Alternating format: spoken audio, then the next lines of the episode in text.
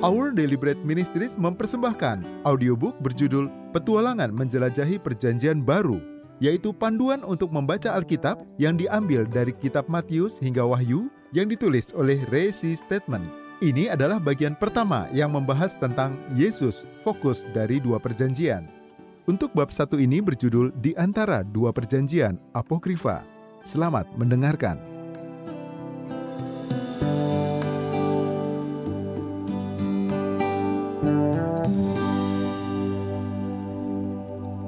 Di antara dua perjanjian. Ada periode waktu selama 400 tahun di antara kedua era perjanjian ketika Allah kelihatannya berdiam diri. Dari perspektif manusia, 400 tahun memang panjang.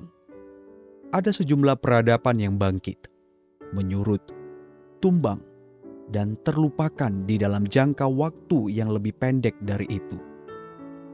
Meskipun demikian, Hal ini sama sekali tidak berarti bahwa tidak ada kitab sejarah Ibrani yang ditulis pada saat itu.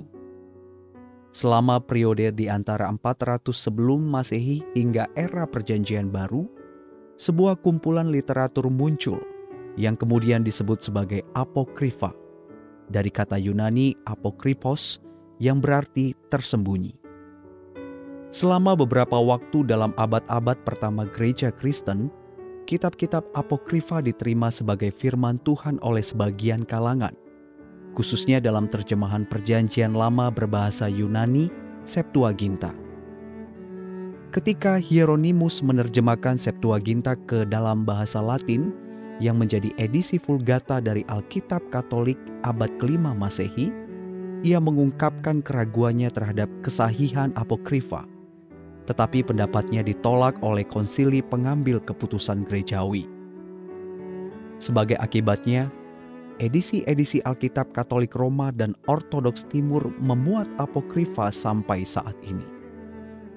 Meskipun demikian, apokrifa tidak pernah diikutsertakan dalam versi Perjanjian Lama yang digunakan kaum Ibrani Kristen mula-mula dan tidak diterima oleh para bapak reformasi seperti Calvin dan Luther sebagai firman yang diinspirasikan secara sah.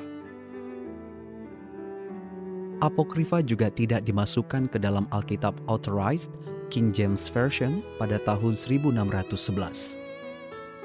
Sebagai teks sejarah, Apokrifa memberikan wawasan menarik pada periode sejarah Ibrani yang mengisi kesenjangan di antara kedua perjanjian. Di periode inilah budaya Yahudi dipengaruhi secara kuat oleh paham Yunani atau Helenistik, dan proses Helenisasi Israel terlihat jelas di dalam karya-karya ini. Bahkan, terjemahan Septuaginta di dalam bahasa Yunani dari Perjanjian Lama merupakan tanda dari pengaruh Helenistik.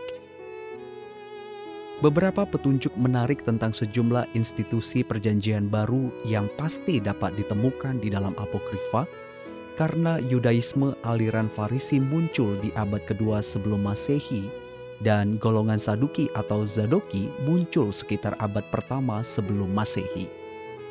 Kedua kelompok ini berperan sangat penting di dalam keempat catatan Injil seputar kehidupan Yesus dan juga menggambarkan kehidupan seorang tokoh Farisi bergaris keras yang telah diubahkan menjadi misionaris Kristen, yaitu Rasul Paulus.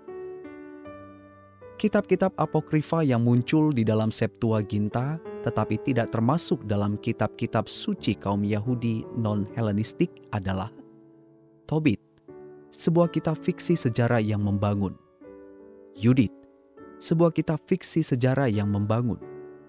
Hikmat Salomo, sebuah kitab hikmat yang serupa dengan Amsal dan Pengkhotbah. Sirak atau Ecclesiasticus, satu kitab hikmat lainnya. Baruch, sebuah tambahan pada kitab Yeremia yang diduga sebagai tulisan dari asisten Yeremia.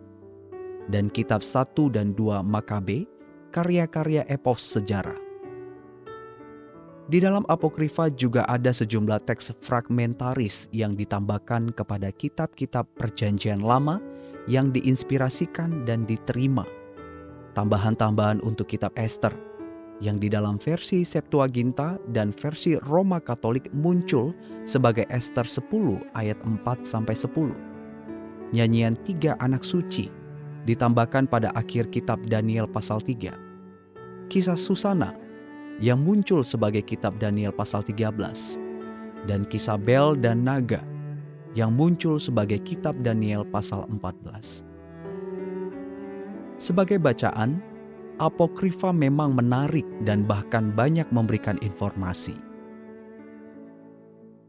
Namun, penelitian saksama atas kitab-kitab ini dan membandingkannya dengan kanon kitab suci yang diakui menunjukkan dengan tegas bahwa kitab-kitab ekstra kanonis ini tidak cocok dengan tema-tema utama Alkitab.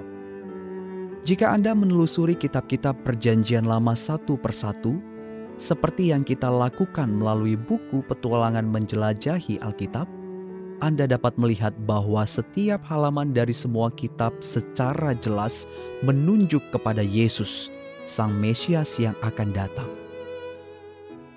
Anda tidak dapat melihat Yesus secara jelas di dalam Apokrifa. Itu pun jika dia memang muncul. Mungkin itulah salah satu faktor yang membuat Hieronymus mempertanyakan kesahihan apokrifa ribuan tahun yang lalu.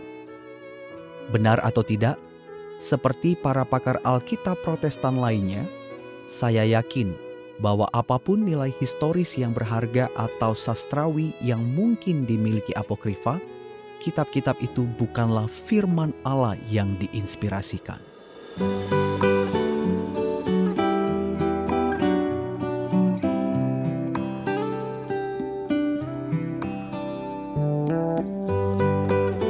Baru saja Anda mendengarkan audiobook berjudul Petualangan Menjelajahi Perjanjian Baru, yaitu panduan untuk membaca Alkitab yang diambil dari kitab Matius hingga Wahyu yang ditulis oleh Resi Statement. Audiobook ini dipersembahkan oleh Our Deliberate Ministries. Hubungi Indonesia at odb.org untuk informasi lebih lanjut. Tuhan Yesus memberkati.